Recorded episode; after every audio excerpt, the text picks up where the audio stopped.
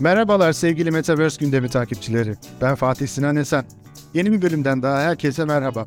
Metaverse, geleceğin dünyalarını inşa edecek teknolojiler, fırsatlar ve tehditler başlıklı 27 bölüm ve 32 yazardan oluşan kitabımız çok yakında çıkıyor. Kitapla koordineli olarak devam edeceğimiz bir podcast serisi başlatmaya karar verdik.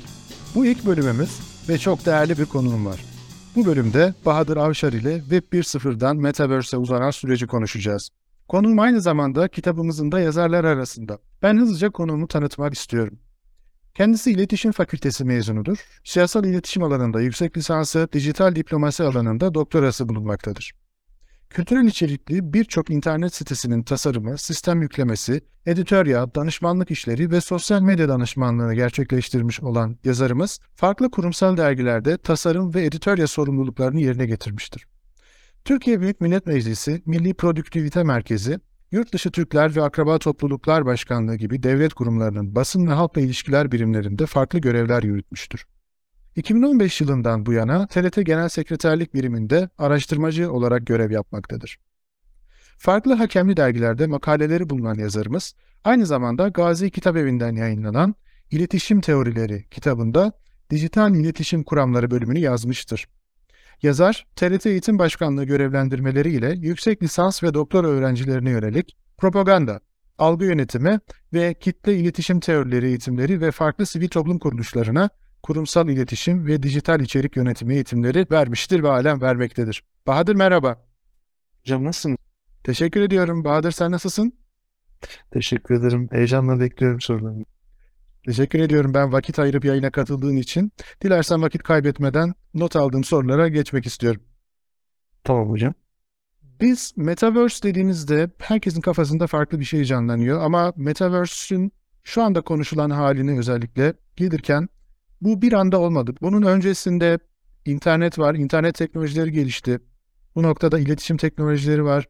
Ama senden öncelikle öğrenmek istediğim Web 1.0'dan Metaverse'e tarihsel süreç, ve teorik temeller bölümünü yazarken amacın neydi kitapta?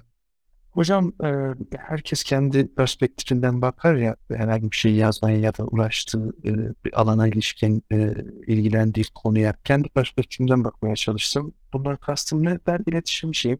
İletişimsel belli yüzyıllık periyotlarda bazen 50 yıllık periyotlarda iletişimsel dönüşüm odakları yaşanıyor insanlık tarihinde. Her dönüşümde de köklü bazen toplumsal bazen yapısal köklü değişiklikler yaşanıyor ve bu köklü değişikliklerin beraberinde gelen zaman ve mekan sıkışmaları ortaya çıkıyor. Şimdi Metaverse de bu anlama en devrimsel iletişim dönemlerinden birini temsil ettiği için e, özellikle bu projede bulunmak istedim ve kendimce bir iletişimci olarak e, bölümü yazmaya çalıştım. Zaman ve mekan sıkışmasından neyi kastediyoruz Bahadır? Hocam şimdi e, bunu nasıl anlatırız? Şimdi e, ilk yazın icadından ele alalım. Biz mesela iletişimsel olarak yazın icadına kadar bir kilometre hızına gidiyorduk. E, yazı icat edildikten sonra 10 kilometre hıza ulaştık. Yani bu sayede medeniyetleri oluşturduk, yeni büyük şehirler kurabildik. 10 kilometreye ulaştıktan sonra bir süre böyle devam ettik. Ardından matbaayı icat ettik. Ne oldu matbaayı icat ettiğimizde? Bu sefer 10 kilometrelik hızımız 50 kilometreye çıktı. Üstünden kitle iletişim araçları geldi. Gazeteler, radyo, televizyon, kitle iletişim araçları. Bu 50 kilometrelik hızımız 150 kilometreye çıktı. Bundan kastım ne? Enformasyonun hızı. Enformasyon daha önce belli bir elit kitlenin elindeyken bu hız artarak en ücra köşelerdeki en ulaşılmaz insanlara da ulaşınca bilgi yoğunluğu ve bilgi çeşitliliği artarken aynı zamanda hızımız da arttı. Yani belki aylarca belki yıllarca e, ötede ulaşamayacağımız insanlara bu sayede iletişimin bu değişen dönüşümü ve devrimsel dönüşümleri sayesinde ulaşmaya başladık. Yani 150 kilometre hızı en son hani gazetedeki iletişim araçları dedik. Sonra hayatımıza işte bu transistörler sonra bilgisayarlar girdi. O oradaki değişim çok daha köklüydü. Hani 150 kilometreden atıyorum 1500 kilometre hıza çıktı. Yani e, anlık kilometrelerce ötedeki insanlarla anlık e, iletişim kurabilecek düzeye geldik. Zaman mekan o kadar sıkıştı ki bu da en iyi anlarız aslında ve hani diyoruz ya 24 saat yetmiyor bize. O kadar insanlara enformasyon yoğun bir döneme geldik ki o 150 kilometre bir anda 300-500 kilometre derken en son Metaverse'e geldiğimizde artık o enformasyonun içine ışınlandık. ve artık ışık hızıyla hareket ediyoruz. Ve e, mesela küçük bir örnek, o zaman bir mekan sıkışmasını anlatacağını düşündüğüm. Mesela 2021'de en çok tıklanan e, site e, Google değildi, TikTok'tu. Neden? Çok kısa storyleri sayesinde. O çok kısa, e, insanlar artık hap bilgi istiyor. Neden? İnanılmaz e, bir enformasyon bombardımanı var. Bu e, sanırım en iyi zaman ve mekan sıkışmasını böyle anlatabiliriz. Peki e, konuşmalarında web, internet gibi şeyler e, geçiyor ve sürekli bunu etraftan duyuyoruz. Web ile internet aynı şey mi?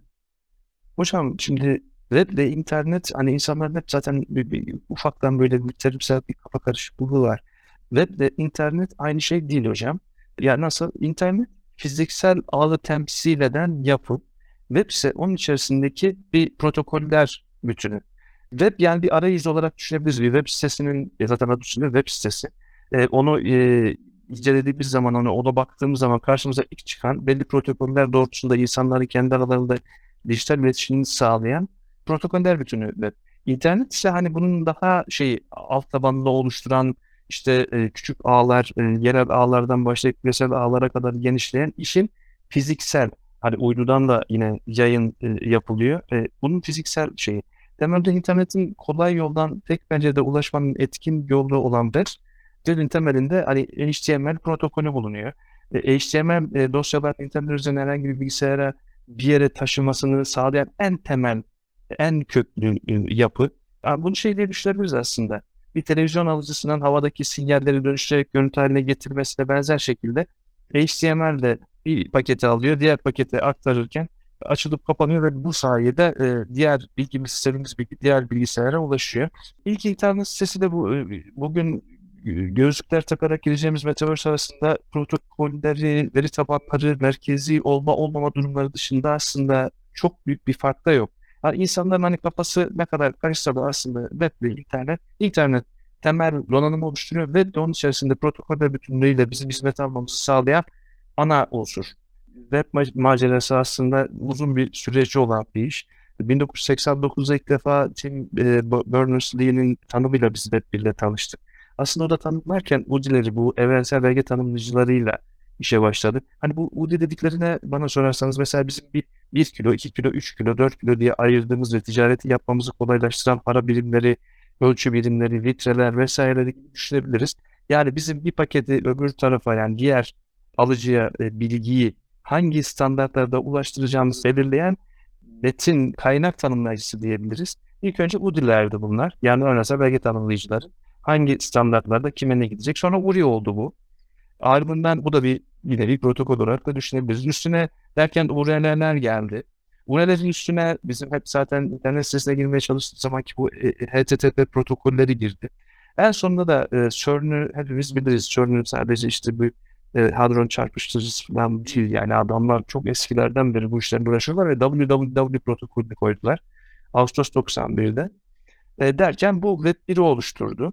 Yani bizim kitle iletişim araçlarını düşündük ya biraz önce radyo, televizyon, işte e, gazete temeldeki hikayesinin iletişim tek taraflıdır. Yani onlar size enformasyon sunar, siz o enformasyonu izlersiniz, dinlersiniz, dokunamazsınız ama göremezsiniz. O, yani şu, şunu kastediyorum, onun size sunduğu enformasyonu herhangi bir şekilde e, değiştiremezsiniz. O nettir, tek taraflıdır iletişim, tek yönlüdür. Siz sadece okuyucusunuzdur, siz sadece dinleyicisinizdir. Siz sadece pasif o aradaki e, pasif iletişim alıcısı konumundasınızdır. E, Web1 de böyle bir şey. Web1'de de temel protokoller oluştu. O protokoller dahilinde e, internete hani insanlar bilgisayar sahibi oldu. Sonra modem sahibi oldu ve internete girebildi. Ama o internete girdiğinde e, bir ekranla karşılaşıyordu. Orada bilgiler vardı. O bilgiler ilgili şirketin, X şirketin e, kendisine verdiği kadardı. Ama hani burada en önemli detay hani biraz önce hani e, e, devrimsel değişimlerden bahsettik ya hocam. Bu devrimsel değişimler daha öncesinde çok yazın icadından matbaaya binlerce yıl var. Ama şeyde bilgisayarın hayatımıza girmesiyle e, değişimi o kadar hızlı ve güçlü bir şekilde oldu ki bunu e, bu internet kurucularından Gordon Moore'un bir Moore yasası diye bir şey var. Her 18 ayda bir bu transistörlerin e, her e, her 18 ayda bir e, çiplerin de üzerine yerleştirilen bileşen sayısının iki katına çıkacağını söylüyor e, bu zat. Ve bu, bu hızda iş gelişmeye başladı Ve enformasyon hızına yığıldıktan sonra e, şimdi FTP protokolünün içerisine yerleştirdiğimiz şeyler işi kurtarmadı. E, tek taraflı e, veriler işi kurtarmaya başladı. İşin içine artık e, veri tabanları girmeye başladı. Çünkü ondan sonra farklı protokoller girmeye başladı ve hayatımıza hani tek taraflı iletişimde o e, değişen protokoller e, vasıtasıyla çift taraflı iletişime geçtik. İşte Web 1 ile Web 2 arasındaki temel e, fark ve bir eşik olması hasebiyle Web 2 deniyor buna. Artık Zeki Müren de bizi görüyordu hocam. Size de bahsetmiştim ya. Hani öncesinde e, biz e, Zeki Müren'i sadece izliyorduk hocam. Artık Zeki Müren de bizi görmeye başladı. Bu ne demek? İletişimsel anlamda daha önce yazının icadı da dahil hiçbir dönemde olmamış bir iletişimsel dönüşüm yaşandı. Sunucu aynı zamanda e, kullanıcıydı. E, hem izleyici aynı anda hem izleyici olabiliyordunuz aynı zamanda e, dinleyici olabiliyordunuz. E, aynı anda herhangi bir web sitesindeki bir konu hakkında e, bu sitenin yaptığı yanlışları söyleyebiliyordunuz, manipüle edebiliyordunuz, her şeyi yapabiliyordunuz. Yani artık pasif izleyici değilsiniz. Bu Web2'nin temel hikayesi. Zaten sosyal medya deyince de herkes bu konuda e, çok daha net e, kafasında e, işi oturtuyor. Hani Web2'de çok işe yaradı. Sosyal hayatı başta olmak üzere eğitim, ticaret, sağlık, güvenlik, turizm gibi birçok toplumsal alanda paradigma değişikliğini, iletişimsel anlamda da paradigma değişikliklerini e, sağladı. Sosyal medya konusu çok uzun ve detaylı konuşacağımız bir konu olduğu için burada kesiyorum. Teşekkür ederim. Peki Web3'ten biraz daha detaylı bahsedelim mi? Web 3'te işte ilk Tim Berners-Lee zaten bu işleri piri, ilk web'in tanımı, web 1'in tanımını yapan kişi. E, ilk önce e, semantik web diyerek Web 3'ün web'in yeni evresinden, yeni dönüşümünden bahsetti. E, semantik web dediği de şeydi aslında hani bu bizim yapay zeka, akıllı uygulamalar, bu algoritmalar girdiği zaman artık biz Web 3'e geçtik dedi. Ama hani bu ne kadar e, ayakları yere, yere basan bir konuyla herkes biraz kafası karıştı. Bu haller sonuçta da e, konuşan adam e, Tim Berners-Lee olunca hani herkes bir e, kafası karışsa da hani uyar oldu gittiler. E, ama Web3'ü Web 3 yapan blockchain'di. Yani merkeziyetsizlikti. Şimdi Web 2 tamam çok güzel, hoş gidiyor. Ama temelde tek bir mesela biz iPhone kullanıyoruz atıyorum. iPhone'u kullanırken aslında bir telefon kullanmıyoruz. Bir merkezi server'a bağlı bir onun bir aparatını kullanıyoruz. Bütün veriler orada birikiyor, bütün her şey oraya gidiyor. Bunun e, tek bir merkezde milyonlarca insanın verisi istediği gibi kullanabilir, manipüle edebilir. İşte ne bileyim bizi manipüle edebilir. Her türlü hacklenirse e, korsanların eline bilgilerimiz geçebilir. Bir defaatle yaşandığında merkezi olma durumunun e, yarattığı bir handikap vardı.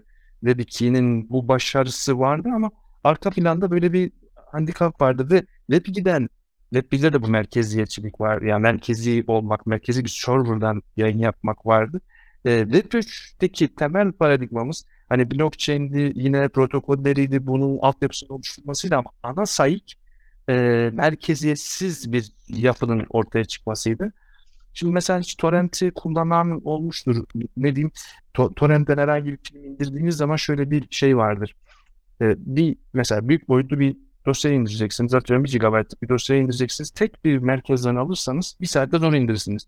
E, torrent'ten gidip bir e, program indirmeye kalktığınız zaman torrent sisteminde binlerce bilgisayar orada olduğu için her birinden birer parça çekerek her bir bilgisayardan o programın olduğu her bir bilgisayardan küçük küçük parçalar çekerek normalde bir buçuk iki saatte indirdiğiniz görüntüyü ya da ne bileyim videoyu ya da ne bileyim işte programı 25 dakikada indirebildiğimizi keşfettikten sonra iş kopmaya başladı sanki zannımca ve bu iyi bir yönetim değil mi bunlara? Peer to peer. Peer to peer saygılar. Diyecektim hani Türkçe kullanayım hani saygılar hocam. Ee, peer to peer tam olarak onu diyoruz. Bu, bu iş gelişmeye başladıktan sonra zaten hani hızla insanların en çok rahatsız olduğu merkezi yani bir tek bir serverda bütün verinin toplanması handikapını ortadan kalktığı andan itibaren işin içine yapay zeka tabii ki girdi. İşin içine tabii ki akıllı uygulamalar girdi. İşin içine tabii ki VR gözlükler girdi. Ama Web3'ü Web3 yapan çok iddialı da konuşmayayım tabii size şimdi karşınızda siz konuların birisiniz. Merkeziyetsizlikti. Ana sayık, ana hareket noktasını oluşturan merkeziyetsizlikti. Yani Web1'de tek taraflı bir iletişim vardı. Web2'de çift yönlü bir iletişime geçildi. Ama tek merkezler vardı ve o merkezlerin e, hacklenme riski vardı. Web 3'te e, yapay zeka, e, ondan sonra akıllı uygulamaların, e, VR gözlüklerin üstlerine merkeziyetsizlik eklendiğinde tam olarak Web 3 haline geldi. Peki Bahadır, Web 3'ü kullanmak insanlar açısından ne gibi riskler barındırıyor sence? Hocam e, zaten hani hayatın rutininde bir, bir şeylerle ilgilendiğimiz, özellikle teknolojiyle ilgilendiğimizde e, genel riskleri de göze almak zorundayız. Çünkü şu ara Web 3 üzerinden ilk aklıma gelen risk e, Web 2'yi kullanarak Web 3'e giriyoruz. Herhangi bir web sitesinin e, arayüzünü kullanırken aslında Web 2'yi kullanıyoruz. Daha sonra Web 3 ile ilgili bu blockchain şeylerine giriyoruz. Yani bu ara giriş sürecinin, geçiş sürecinde kısmi bir merkezsizleşme var. Bu ilk aklıma gelen risklerden biri. Diğeri de bu veri, veri manipülasyonu dedikleri yapay zekada da çok yaşandı. Ee, Microsoft'un hani bir Tai diye bir geliştirdiği chatbot'u vardı. Bu Siri gibi aynı. Ee, Tai'yi Twitter'dan öğrenmesine izin verdiler. Hani Tai oradan yapay zeka olarak Twitter'daki mesaj, mesajlaşmaları öğrenmesi için bir, bir deneme yaptıklarında Tai ırkçı oldu hocam. ırkçı oldu. Evet, maalesef yaşıyor. Daha sonra zaten kaldırdı Microsoft bunu. Ee, ve bir şey ilgili başka şey siz de iyi biliyorsunuz akıllı sözleşmeler var. Oradaki akıllı sözleşmelerin hacklenme ihtimaline dair yaşanan sıkıntılar. Ee, şimdi akıllı sözleşmenin mantığı zaten malum rutin bir sözleşme gibi düşünebiliriz bunu. Bu sözleşmelerle ilgili herkes yani her platform işte her e, blockchain içerisinde kendi sisteminde ekosistemini oluşturan her e, yapının e, kendi akıllı sözleşme sistematiği var bunlara yapılan saldırılar ciddi e, ve bunlara e, saldırı yapıldığı zaman e, yaşanacak sorunlara ilişkin e, ne gibi yasal önlemler var? Burası da bir handikap olarak önümüze çıkıyor bence. Bir de mesela normalde rutin kullanılan bir iş var. Bir, blockchain içerisinde kendi ağını oluşturmuş bir yapıdan diğer yapıya e, mesela Ethereum ağından işte Solana ağına bağlantıyı solucan delik köprüsü dedikleri bir şeyle kuruluyor. E, ama bu e, bu aslında faydalı da bir şey. Hani Sonuçta e, bir ağdan bir ağa geçiş yapacaksınız. Bunu kullanmak istiyorsunuz saklı olarak. E, ama solucan dediği köprüsü ile en son Solana'da diğer blockchain'ler arasında e, DeFi, DeFi köprüsü e, kuruldu. Hackleme, hacklenerek yani bunu e, kuruluyormuş gibi yapıp e, oradan 120 bin e, Ethereum yani 125 milyon dolarlık bir kayıp oldu. Hani böyle e, sistem kurulmuş. Hocam dedi köprüsü yapılabiliyor ama bunun da mış gibi yapıp sizin paranızı çalabiliyorlar. Bu bir risk olarak aklıma geliyor hocam. Gelişmiş spam, e, kripto cüzdanlara yönelik anahtar ifade saldırısı, kripto e, jacking, e, rug pull gibi bir dünya daha böyle risklerden bahsedebiliriz ama bunlar zaten gelişim aşamasında ve oluşum aşamasında olduğu için adım adım karşılaşılıyor ve önlem alınma yoluna gidiyor. Yani bunlar çok inanılmaz korkulacak şeyler değil ama dikkatli olunmakta faydası olan riskler olarak sayabiliriz. Peki Bahadır akıllı sözleşme dedim biraz önce. Bu konuyu biraz evet. açabilir misin? Akıllı sözleşme nedir? Ne işe yarar? Hocam akıllı sözleşme normal bizim e, hayatımızdaki e, rutin e, gidiyoruz bir iş yerine giriyoruz. Oradaki yaptığımız sözleşme gibi ama bunun işlem prensibiyle algoritmik bir ortamda dijitalde sürekli çalışma hali gibi düşünebiliriz. Yani akıllı sözleşmeler temelde işlem yani eğer şöyleyse böyle yap ile çalışan kriptografik olarak imzalanan ve blockchain'e yüklenen sözleşmelerdir. Peki Bahadır, akıllı sözleşme ve Web 1.2.3 dedik. Bu minvalde ben sana Metaverse'ü sormak istiyorum. Çünkü kafaların çok karıştığı bir konu bu. Biraz bize Metaverse anlatır mısın? Ama hani herkesin anlayabileceği dilde basit bir e, şekilde olsun lütfen. Hocam zaten hani Samer kafası konuda çok karışık. Ben bu şey örneğini veriyorum. Biraz önce de konuştuk ya. Vizyon telefilmi vardı. Orada bir sahne var işte Zeki Müren'i izleyeceksiniz artık televizyonda orada çıkıyordu Cem Yılmaz şey diyordu Zeki Müren de bizi görecek mi? Yani bunu Web 1, Web 2, Web 3 her birinde farklı protokol yapıları var. Bu protokol yapılarında kendi iletişimsel düzenleri var. Bu iletişimsel düzende temelde birincisinde bilgisayar ve modem vardı Web 1'de. Web 2'de ağırlıklı mobil uygulamalar yani telefonlarımızın içerisine girdi de.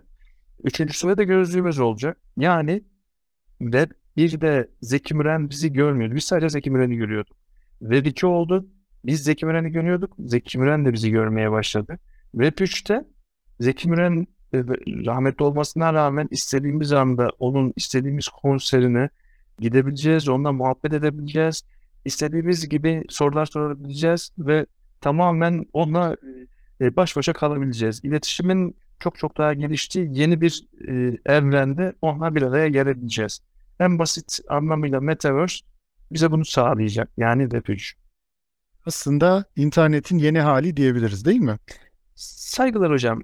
İnternetin protokoller bütünlüğü içerisindeki o webin inanılmaz bir enformasyon yığını sonucu ortaya çıkan ışık hızına ulaştığı ve rüyamızı herhangi bir rüya görebiliyor, görüyoruz ya işte geçen işte uyuduktan sonra rüya görüyoruz. Bu rüyalarımızı bir gözlüğe sığdırabileceğimiz yeri web sitesi. Ve en sade ve basit anlatacağımız herhalde böyle olur diye düşünüyorum.